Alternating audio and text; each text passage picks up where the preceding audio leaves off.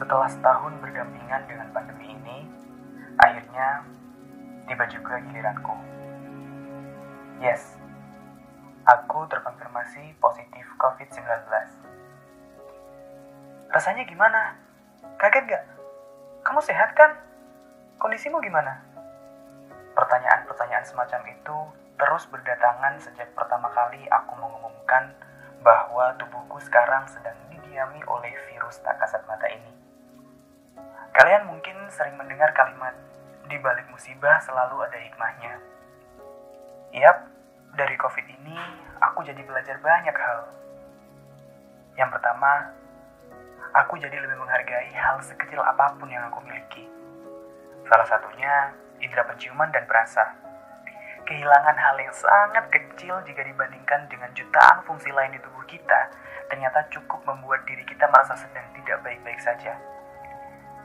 Tidak bisa membedakan bau tubuh sebelum dan sesudah mandi, bahkan sesederhana wangi ayam goreng dan indomie.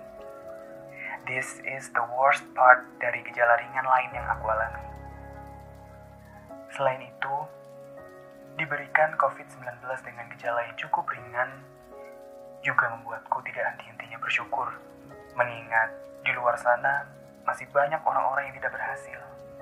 Sedangkan aku masih sangat beruntung, masih diberikan kesempatan untuk terus bertahan dan menuturkan cerita ini kepada kalian.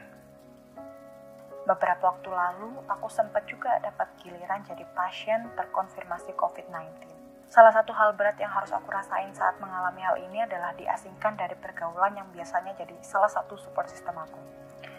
Aku harus mengisolasi diri, menjauh dari segala bentuk aktivitas sosial, merubah pola hidup walau hanya sementara, tapi rasanya terpenjara banget.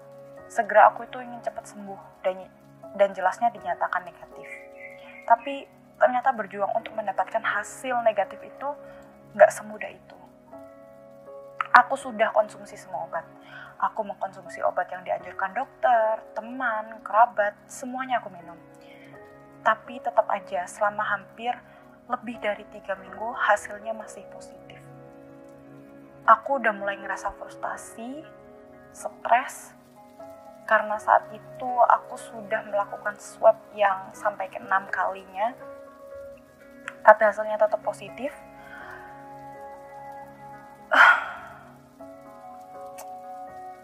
Tapi kemudian aku sadar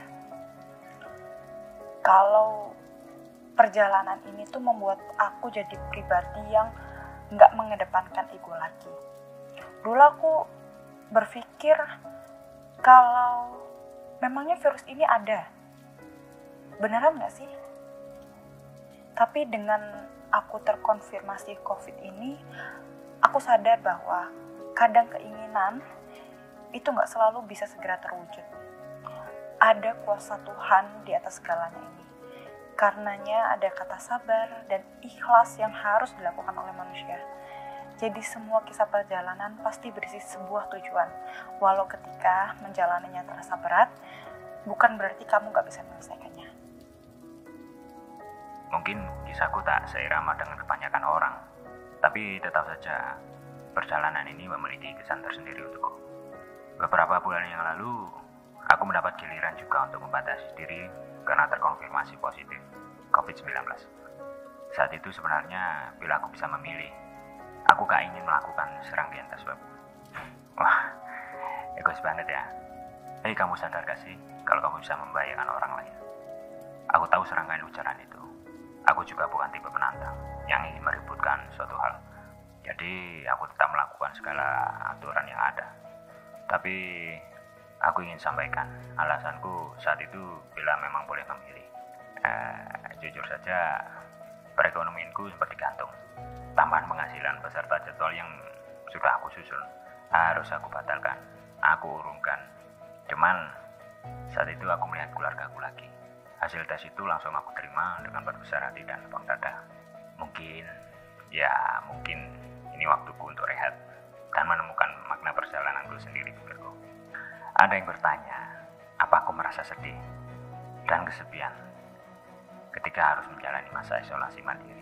Aku gak sama sekali merasa kesepian, sedih, bahkan merasa sendiri.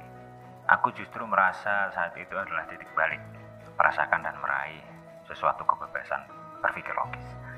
Aku jadi semakin mengerti bagaimana harus menanggapi sebuah masalah yang datang. Ternyata ya tidak cukup satu sisi aja untuk memahami sebuah masalah. Ada banyak sisi lain yang harus kita lihat.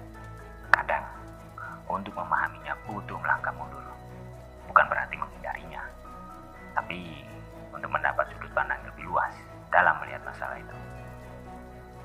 Kece Radio.